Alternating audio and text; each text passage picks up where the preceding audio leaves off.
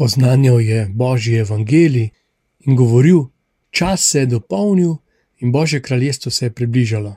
Spreobrnite se in verujte evangeliju. Glas pastirja. Živi, lepo zdrav, pa je že tu prva postna nedelja. Pepelnica za nami. Še malo nazaj smo obhali nedeljo Jezusovega krsta, predtem nedeljo svete družine. Lahko bi rekli, da je to skoraj eno isto. Obakrat smo bili priče manifestacije Jezusove identitete. Morda smo na to že pozabili, vendar je to ob vstopu v postni čas še kako pomembno. Končno moramo vedeti, kam vodi postni čas. Tako lahkotno se sliši, da je to priprava na veliko noč. Ampak zveni lahko zelo površno in kakor skozi oči zgolj opazovalca. Če pa si soudeležen, se zavedaš, da bo slejko prej prišel še veliki petek. Na današnjo nedeljo Markov v par vrsticah zariše kuliso, v kateri se znajde Jezus. In tu se vidi to, kar se kaže potem na vsakem koraku Jezusovega delovanja. Kako pristna je njegova predanost očetovi volji, kako močno se čuti eno z očetom in kako nujno se mu zdi, da se duh, sveti duh, razodene. Zato v puščavi, ko ne beži pred skušnjami, nikakor ni žrtev. Duh odvede Jezusa, ne hudi duh. Preluko odmevajo vrstice, da se je vrnil od Jordana poln svetega duha in da ga je duh vodil po puščavi, Satan pa ga skuša. Puščava, pusta, robata, to je domač teren divjih zveri. Tam se tudi potikajo obsedeni, odrinjeni, gobavci, tam na samotnih krajih. V teh okoliščinah se človek lahko hitro spozabi, ali celo pozabi, kdo je, da je ljubljen, božji. Ko pa se Bog kakor spozabi, se zasliši glas iz nebes. In tu je provokacija hudega duha, na to znano vprašanje, če si Božji sin.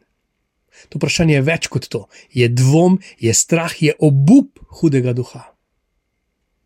Jezus sredi divjine, sredi izkušnjav, še bolj z očetom. Tako postane kraj puščave, kraj srečanja z Bogom. Koliko krat v stiskah spremenimo mnenje, osredotočenost, se omehčamo, spreobrnemo, ponovno zljubimo. In klic pepelnice, spreobrni se. Človeku ni kritika očeta, je priložnost, je močno povabilo v svobodo kraj groze postane rodovitna zemlja tišine. Ta zorana zemlja tihote je kraj srečanja sina z očetom. Tu v puščavi odpadejo vse čipke in odvečnost, skozi puščavo se vrši eksodus.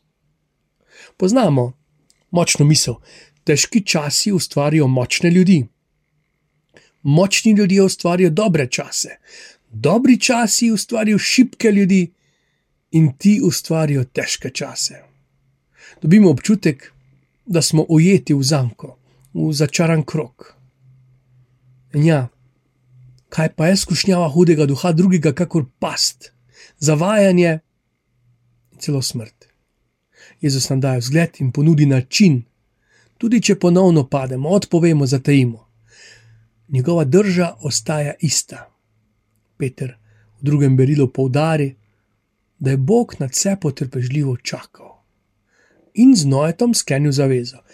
Priča smo božji zavezi, ne Noetovi.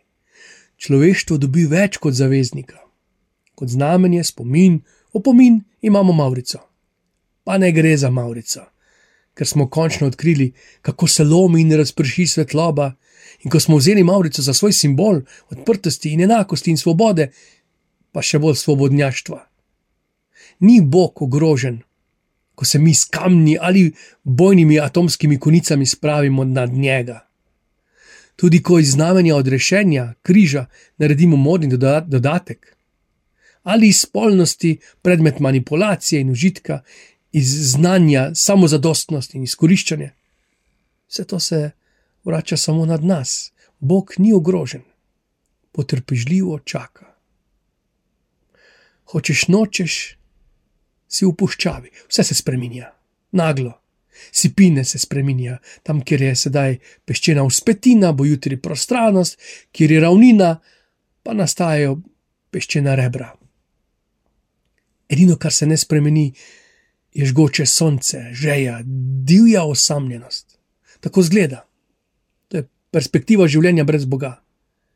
Živimo v poplavi, nimam časa. V poplavi znajdi se, preživi, uživaj. Lahko še tako hlastamo za časom, nam neusmiljeno povzi iz rok, kot pesek. Koliko časa pa še imaš? Upaš odgovoriti na to vprašanje? Pogosto sem v bolnišnici, pa tudi na pokopališču, in se izogibaš enega in drugega. Vseeno, koliko časa še imaš? In ko trepetaš za zdravjem, v isti sapi godrnjaš nad zdravniki in zdravstvom, pa že prav otroče malikuješ pilule in mazače in zelišča in biole nalepke, žeja pa ostaja. In vsem tem, tudi med poplavami besed in klepetov in pogovorov, ostajaš sam. Dejansko si globoko v puščavi in vse bi naredil, da tam ne bi bil. Pa ni to v tvoji moči. Duh je odvedel Jezusa v puščavo.